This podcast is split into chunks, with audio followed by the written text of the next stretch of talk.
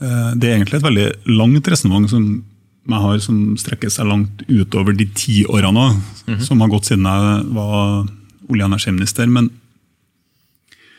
vi deregulerte jo kraftmarkedene våre i 1991 med det som interessant nok fremdeles kalles den nye energiloven. Den er jo nå over 30 år. Mm. Fremdeles ny. Står fortsatt i bøkene at det er det, det nye? Det nye, ja, ja. ja og Eivind Reiten var, var far. Uh, og Det var jo et paradigmeskifte i norsk energipolitikk, for at du gikk fra et system som ligner på det systemet vi i dag har på vann, avløp og renovasjon. Mm -hmm. Så Du hadde forsyningsplikt, og du, prisen var bare en funksjon av hvor mye penger du trengte på å bygge ut den kapasiteten som var nødvendig for å få fram strømmen. Så ble det jo innenfor det gamle systemet bygd egentlig en enorm overkapasitet, som gjorde at når det her var, ble, ble sluppet løst, så tjente jo det det norske samfunnet vel i mange mange år på det viset at uh, vi levde godt på en overkapasitet som lå i systemet. Og Så kom vi fram til årtusenskiftet, og da begynte jo å hoste i forsyningsbalansen. Og Systemet vårt er jo veldig værbasert. ikke sant? Det er regn, det er vann. Nå har det blitt litt vind, men hovedsakelig vann. Regner lite, så, så blir det knøbert. Som i dag, egentlig i de sørlige delene av landet. Så da var det behov for å bygge ut mer, og det, det løste vi jo gjennom et statlig subsidiesystem. Den gangen het det for grønne sertifikat. Og vi har jo lagt bak oss nå en periode på 15 år med høy utbyggingstakt. Det er bygd ut mye fornybar energi, mye vann, mye vind, spesielt på vind. Vindmøller var populært helt til de begynte å komme opp. da var ikke de like populære lenger. Så den norske energipolitikken isolert sett har jo vært vil jeg mene, ganske fornuftig, fordi at vi fremdeles har et kraftoverskudd i et normalår. Eh, og vi har rimelig forsyningssikkerhet. Delvis politisk eh, betinga fordi at vi har gjort de riktige tingene til riktig tid. Delvis eh, som alt annet, betinga ut fra at vi har de riktige naturgitte forutsetningene. Med elver og fjell og, og hva det nå skulle være. Det jeg tror ingen har lagt inn i kalkylen det er på en måte følgekonsekvensene av to ting. Det ene er at du har integrert deg i et europeisk kraftmarked mm -hmm. som vi for ti år siden trodde var, var stabilt, forutsigbart eh, og hva skal jeg si, rasjonelt. Når du sier vi, hvem er vi? Samla politisk eh, system. altså Det er jo brukt uendelig med timer på krangel, på krangel om hvem det er som har ansvaret for de her to utskjelte kraftkablene. Men faktum -hmm. er at det var egentlig et samla politisk system som, ment, som mente den gangen at det der var, var lurt. Men forutsetningene var jo da vil jeg egentlig si, annerledes enn det de har vist seg å bli nå. For det du har skjedd i, eh, i, Europa, og da i et omfang som åpenbart ikke har ligget inn i modellene for modellering eller, eller beslutningsdokumentene, det er jo at man har tatt ut veldig mye av den energien man ikke liker. Kull og atom. Mm -hmm. Og så har man egentlig ikke erstatta det med noen ting som gir stabil forsyning over tid. Det er bygd massevis av sol og massevis av vind, men det hjelper jo ikke når det ikke blåser og når sola ikke er der. Eh, og så kom jo selvsagt krigen da, i eh, Ukraina på toppen av det her, og det faktum at eh, Putin stenger ned gassforsyninga til Europa, som får enorme konsekvenser for hele energiforsyningssystemet på kontinentet, og siden vi er knytta til det, selvsagt også for oss. Eh, og der står vi. Eh, og så er jo faktum at per dato så det, det finnes ikke noen enkle løsninger på det. I vinter så vil det sannsynligvis være sånn at vi er avhengig av her eh, kablene for å få nok kraft inn i hele Sør-Norge, hvis det ikke begynner å øse regn ganske kjapt. I og med at uh, har jo tappa ned. Magasinene er tomme, men det er et fysisk faktum. altså Vannet er ikke der. Fordi det blir tappa? Ja, og fordi at det har regna lite. Det har ikke vært et sånt eksepsjonelt uh, tørrår, men det har regna mindre enn det har, ville ha gjort i et vanlig år. Så nå trenger man veldig mye regn. og Før eller siden så kommer jo det her regnet, men inntil så skjer, så er jo vi avhengig av uh, forsyning da, fra, fra, andre kilder. Så du, du, tenker ikke at kraftselskapene har, har kjørt på uh, så godt de kan fortjene mest mulig penger i den perioden her hvor prisen har vært så høy og eksportmulighetene er Det er jo egentlig jobben deres, men de må bomme jo kanskje fort hvis det viser seg at kraftprisen blir enda litt høyere fremover enn den har vært. I deres verden da, så er det jo sånn at de kanskje har tapt penger fordi at de har produsert denne krafta på feil tidspunkt. Og Kraftverkene kjøres jo etter en modell som både handler om hvordan kraftprisen er i øyeblikket, men ikke minst hvordan man forventer at den skal være frem i tid, som også er, blant annet er en, en, konsekvens av hva man tror om tilsig, altså nedbør. Vel, hvis det ikke regner eller ikke blåser, og nå har det jo vært litt av begge deler, så får jo det enorme, eh, enorme konsekvenser. La oss hoppe tilbake til, eh, til perioden som begynnelsen på 2010-tallet. for der, her i denne perioden her så, så, blir det jo tatt en del avgjørelser, startet en del prosesser, og det er en del krefter som blir satt i sving, som vi ser nå konsekvensen av. Uh, og Du snakka i sted om at modellene dere fikk som politikere, var uh, at strømprisene for eksempel, ikke skulle bli særlig påvirka av at disse kablene To-tre to, to, øre. To-tre øre. Opp. Og det, det, tenkte jeg var en, altså det er en rimelig forsikring for en langt stabilere og sikrere strømforsyning. Det, det, det, var, det, høres ut som god informasjon på en måte liksom å gå videre med. ja. ja. Og så sitter vi nå med vi har hatt fem, seks, sju, åtte kroner. Altså det, er jo, det, er jo, helt utafor uh, landestripa. Det er jo derfor jeg har sagt at hadde man jo sittet med den informasjonen man har i dag, da så, så hadde jo det her åpenbart ikke skjedd. Mm. Men, men, men, det blir liksom kontrafaktisk, for vi, vi, er jo der vi er. Ja, og så må vi da liksom ta det videre derfra. Så er spørsmålet Hvordan kan man bomme så hinsides eh, i dag i 2012, ikke sant? når Statnett kom Det er Statnett som, det, det modellen vi snakker om her, er liksom utarbeida av Statnett. Ja, og sikkert av noen andre miljøer som sier det, det, er mange som driver med modellering, men det er jo Statnett som har et eh, overordna ansvar sammen med NVE for å, for å levere inn da, de, de, mm. riktige mm. Og det er, vidt, det er en, sånn, det er en annen refleksjon jeg har gjort meg senere i livet òg. fordi at eh, et, altså, I de åtte årene jeg ikke har vært med noe i norsk politikk, da, så jobba jeg jo først i Siva, og så jobba jeg i et oljeselskap som heter Okea. Der hadde jeg ansvar for forretningsutvikling. Der drev vi veldig mye med økonomisk modellering. Mm -hmm. Og Da lærer du deg jo veldig godt at det svaret du får ut i andre enden, det handler jo mest av alt om hvilke forutsetninger du legger til grunn for, uh, for regnestykket.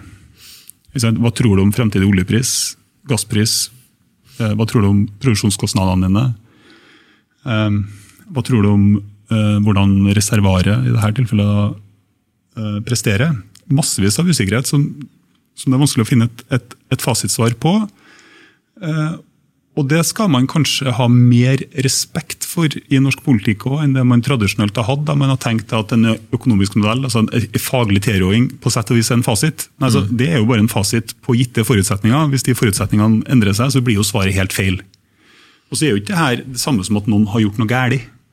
Det er jo ikke sånn at jeg tror at noen har prøvd å, å, å lurt oss, på noe vis, men jeg tror at det som dagens politikere kanskje kan lære ut av dette, her, det er at man må omgås med en grad av varsomhet. da. Denne forestillinga om at det går an å regne seg frem til nesten hva som helst i, i verden, det, det, det, går ikke an. Og så koker jeg til, til, til beslutning etter hvert som handler om hva tror du, hva tror du ikke.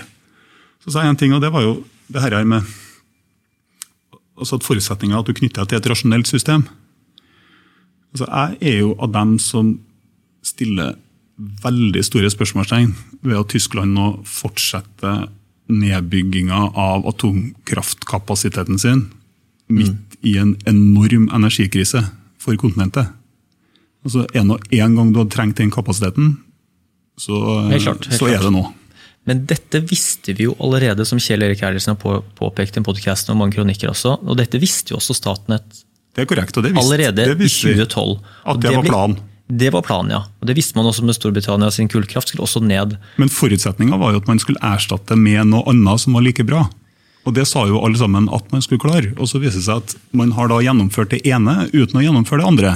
Ligger, da blir det ubalanse i systemet. Så, så Statnett har tatt i beregning at ja, vi vet at kullkraften og kjernekraftverkene i England og, og Storbritannia skal bygges kraftig ned, men at det, grønn energi skal erstatte dette her innen eh, ja, 10-15-20 års periode. Ja, altså, og derfor tror vi ikke at strømprisen kommer til å, å påvirkes. Sannsynligvis, sannsynligvis da, en kombinasjon nå har ikke jeg gått tilbake og kikka på forutsetninger, men sannsynligvis da, en kombinasjon med mer bruk av gass, som gjør oss da mer sårbare ikke oss, da, men Europa er mye mer sårbare overfor at russerne, som hovedleverandør, eh, stenger ned.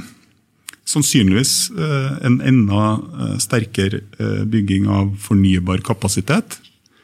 Og På toppen av det hele så tipper jeg at man alle sammen legger inn en energiøkonomiseringsgevinst. altså med andre ord, Vi bruker den energien som vi har, litt mer effektivt hvert eneste år. Og i, i sum så må det i hvert fall være lov å fastslå at det har ikke skjedd. Og så blir jo da det neste spørsmålet vel, hvis den sida av ligninga ikke slår til, er det da rimelig at man fortsetter med den andre sida av ligninga som om ingenting har skjedd? Og Det er jo det våre venner i Tyskland uh, driver på med nå, som jeg er litt sprennende til. Ja, det, det er jo de fleste av oss. Det, at ikke det, og det tar sikkert teknisk sett også lang tid å snu sånne ting, både politisk og, og, og fysisk. Men, og det store anlegget skal være sikkert, og kanskje ikke noe utenom. Ja. Men altså, Du kjøper ikke de, de ideen, teorien om at, at, Statnett, og da også med alle kraftprodusentene, har et, et ganske sterkt insentiv om å faktisk også skru ned forventningene av hva strømprisene kan bli i fremtiden, i denne 2012-modellen, som gjør at politikerne eh, godkjenner eh, bygging av diverse kabler til utlandet. Sånn at, at, for det er jo... Du kan jo argumentere for at kraftselskapene har et incitament Helt klart. knytta til at man skal få mest mulig eh, penger igjen for hver kilowattime. Statnett skal jo eh, ikke ha et sånt eh, incitament, rett og slett fordi at Statnett er jo et statlig monopol hvis hensikt er å sørge for eh, så rimelig, et så rimelig og velfungerende overføringsnett i Norge som mulig. Det er jo ikke jobben deres å sørge for at strømmen blir dyrest mulig, altså snarere tvert imot. Nei, men er det ikke da også eh, litt sånn at, som eh, her nevnte Eilertsen også påpeker, at Statnett eh, opererer nesten da som det skulle trådt for en privat aktør, altså med tanke på lønninger, prestisje, eh, den type ting. Også at, eh, at, det er noe som Det er grunner til å tro at Statnett kan ha dratt dette her liksom eh, i fordel av kraftprodusentene også, ved at hvis vi bygger disse kablene, så, så vil konsekvensene være marginale, men at man da skrur ned risikoen på liksom hvor ille det kunne ha blitt. fordi hvis statene bruker sine beste folk til å regne ut det her, så er det liksom litt rart å tenke at hvis man da kutter ut kullkraft og kjernekraft. Og dette må de kunne beregne, vil jeg tro, uten at jeg kan noe om dette. At, at, du skal ha fryktelig mye grønn energi for å kunne kompensere for dette her, uten at prisen skal bli påvirka helt tatt, og at vi da blir eksponert for det europeiske markedet. Det virker jo litt sånn, sett i ettertid, litt naivt fra de som har lagd modellene. og Jeg kan jo skjønne at politikere flest stoler jo veldig på hva som kommer inn av informasjon og data. At man også kanskje har kapasiteten, evnen til å gå så i dybden på å finne ut hva dataen består av. da. Ja, Det kan man jo si i ettertid. Men hvis du går til det du egentlig spør nå, som er Statnetts motivasjon altså Jeg er enig i at en aktør på kraft, altså en kraftprodusent i Norge vil alt annet likt ha interesse av høyest mulig kraftpris. Det er naturlig. Men at Statnett skulle ha din intensjon knytta til altså de rådene de gir og den politikken de operasjonaliserer på vegne av fellesskapet, altså høyest mulig kraftpris i Norge, det vil jeg mene at det er eh, litt eh, spesielt. Så jeg har jo liksom, jeg har tenkt som så at det, det, er i hvert fall ikke gjort med intensjon. Jeg har ingen tro på at Statnett som et profesjonelt system har prøvd å villede verken norske politikere, politikere eller norsk offentlig ordskifte. Eh, men at man åpenbart beregna feil. Så du er mer på at det kan være slapt håndverk enn at det er på en måte insentiver i systemet for at det, det, hva, lønninger, bonuser, er, den type ting? Hva er slapt håndverk? da? Fordi det er jo krevende å legge inn eh, krig i Ukraina og full nedstenging i russisk gassforsyning til Europa som en forutsetning for beregning av eh, kraftpris ti år frem i tid. Altså, det er litt utafor det du kan legge inn i en, en helt vanlig sånn, Hvordan tror vi utviklinga blir, frem, blir, frem, blir fremover? Ehm, og når sant skal sies, jeg tror jo akkurat nå så sitter jo Europa, europeiske beslutningstakere de sitter jo med enda verre beslutninger å ta enn det vi gjør i Norge. Altså, Vel er det uhyre krevende for oss med de kraftprisene vi ser i Sør-Norge nå, men vi har både system og en stat eh, og privatøkonomi til å håndtere dette her på kort sikt. I Storbritannia så snakker man om Altså varmestua, rett og slett for at folk er nødt til å velge mellom varme i husene eller mat. Og eh, i, i stort så er vi jo heldigvis ikke der i, eh, i, Norge. Og det er klart, hvis man i Europa ikke løser dette her, så bryter jo ned hele samfunnskontrakten. Da er jo det meste åpent, vil jeg ha sagt, i forhold til hva det er som faktisk kan skje Eh, politisk og økonomisk. Altså, samfunnene våre er ikke, er ikke, satt for å håndtere denne type energikostnad over tid. Det går bare ikke. Var du involvert i, det, i, i, i alle disse prosessene med ACER og, å og koble Norge på i sitt europeisk eh, strømmarked, og liksom at Norge skulle tenke energi sine, i større grad utover sine egne landegrenser. Var dette her noe du var involvert i de årene du var eh, minister? Nei, de, de energimarkedspakkene mener jeg husker ACER, det kom etterpå. Etterpå.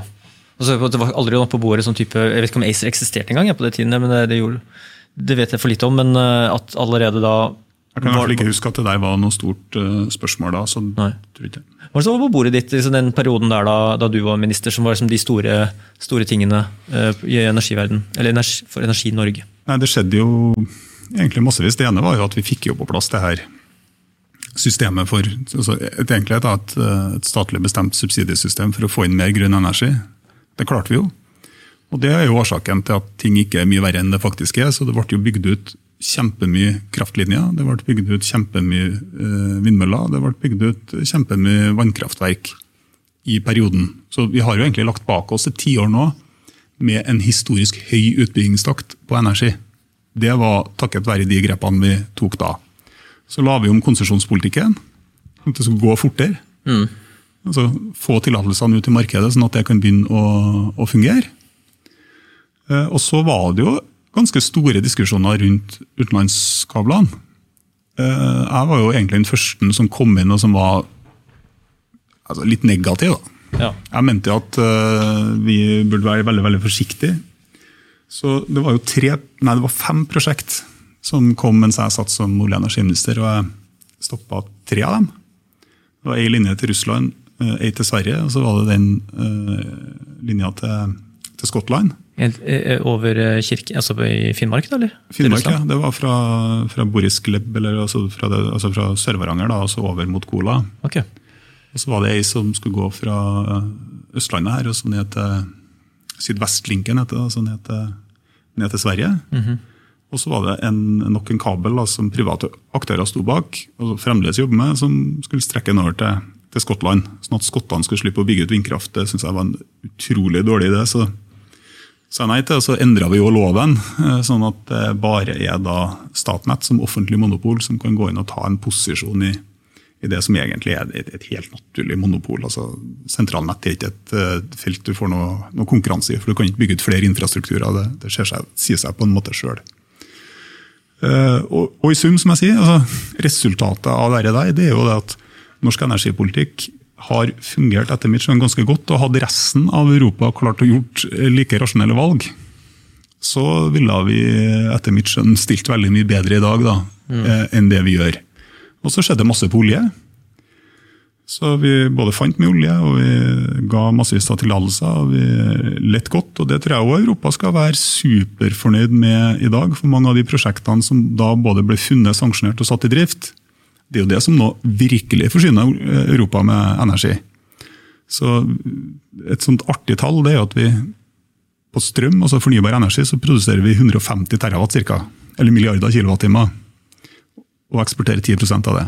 15 Men vi eh, eksporterer jo mellom 2500 og 3000 terawatt i olje og gass. Og det er jo det som holder europeiske heimer varme. Det er det som holder Eh, deler av europeisk industri i gang gjennom denne eh, vinteren. Eh, så det er jeg òg veldig veldig glad for. Årene etterpå så var jo begge deler like upopulært.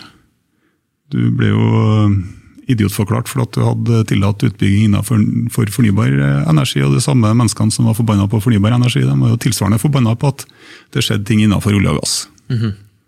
Så det er, det er litt sånn oppsummert. Så er, jo, så bestillinga fra deg som innbygger i Norge det er jo at strømmen skal være nesten gratis. Den skal være i stikkontakten i uante mengder, men du skal ikke legge merke til at den produseres, og du skal ikke legge merke til at den transporteres.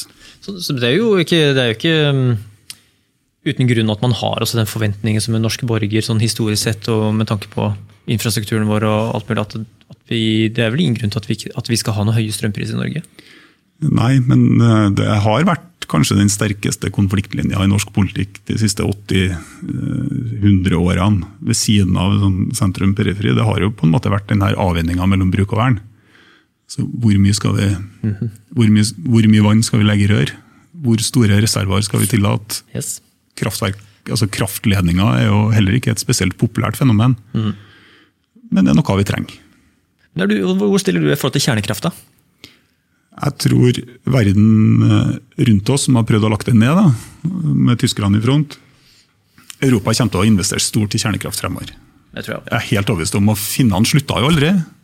Svenskene hadde jo folkeavstemning på 80-tallet, bestemte seg for å bygge det ned. Det har egentlig aldri skjedd. Jeg tipper at svenskene kommer til å, å, både ta vare på og kanskje begynne å diskutere og bygge det opp.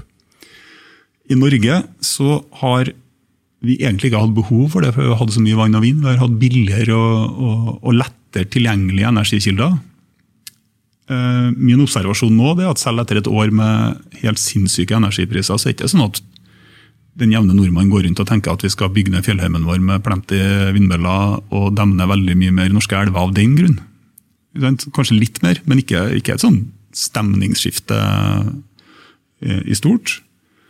I Norge etter krigen så var atomforskning egentlig det, det store nasjonale forskningsprosjektet. Det var da vi bygde opp industri, nei, Institutt for energiteknikk. Vi fikk forsøksreaktorer i, i Halden og på, på Kjeller. Mm. De har jo nå blitt gamle og nedstengt, og det har egentlig blitt et dekommisjoneringsprosjekt. Mer enn et forskningsprosjekt. Eh, vi starta i revidert nå et arbeid med å ta opp igjen kompetansen på, på kjernekraft, kjernefysikk, kjernekjemi i Norge. For vi trenger som land å forstå hva som skjer rundt oss. Vi trenger uansett en beredskap. Eh, og så kan det jo være at denne debatten òg blir annerledes i Norge over tid. Som en kombinasjon av A. Hva trenger vi? B. Hvor mye natur er vi villige til å bygge ned? C. Hvilken teknologi er det som faktisk er tilgjengelig, og der ting har endra seg. Hva syns du om ideen med å bruke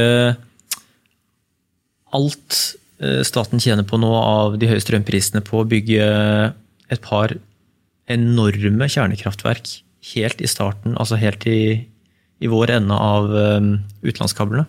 Ja. Så isolerer vi hele systemet der, og så, har vi vårt, uh, så kobler vi på når vi trenger. Jeg tror at uh, finansieringa skal man uh, ikke koble til, til, høy inntjening på strømpris i Norge, og så bestemmer vi oss for å gjøre det. Så, så, har, så, så har det norske samfunnet åpenbart kapitalen til det. Men, er ikke det en fin idé å bruke inntekter fra energi til å bygge ny energi? Altså, på den ene sida så mangler jo altså Staten mangler jo ikke kapital. Staten har jo 12 000 milliarder i banken, og i tillegg så tjener vi 1500 milliarder på olje og gass. Og nevnte Equinor, som feira 50 år i, i helga. Det ligger jo i år an til å bli verdens tredje mest lønnsomme selskap. Så Det er jo en enorm suksesshistorie mm. for det norske fellesskap. Så Finansieringa tror ikke jeg er et problem, i så fall ikke et et problem. Jeg tror det norsk, norsk kjernekraftdiskusjon, i den grad den kommer, den bør jo handle om de tingene jeg sa. Ikke, det bør ikke være et tiltak for å ligne ut eh, to kraftkabler til kontinentet. Det bør i så fall være en refleksjon rundt at vi heller vil gjøre det enn noe annet.